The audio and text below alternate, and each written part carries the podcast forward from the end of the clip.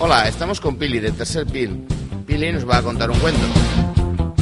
Las hermanas Judith, Sonia, Sofía, Andrea, Marta y Miriam.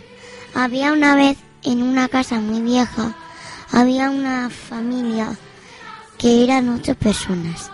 Y la madre se llamaba Valentina y el padre Bruno. Y las hijas Judith, Sonia, Sofía, Andrea y Marta y Miriam. Unas chicas muy traviesas. Y Judith y Andrea eran las mayores. Sonia y Miriam las, las medianas. Y Marta la pequeña. Y ayudaban mucho a sus padres. Y un día llegó su abuelo porque iba a regalarle el regalo de cumpleaños a Sonia.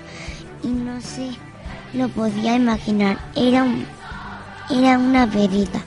Y todas se alegraron. Y le llamó Sara.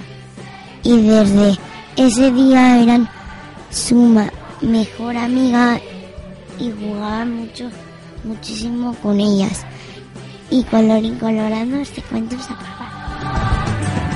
Muy bien, muchas gracias.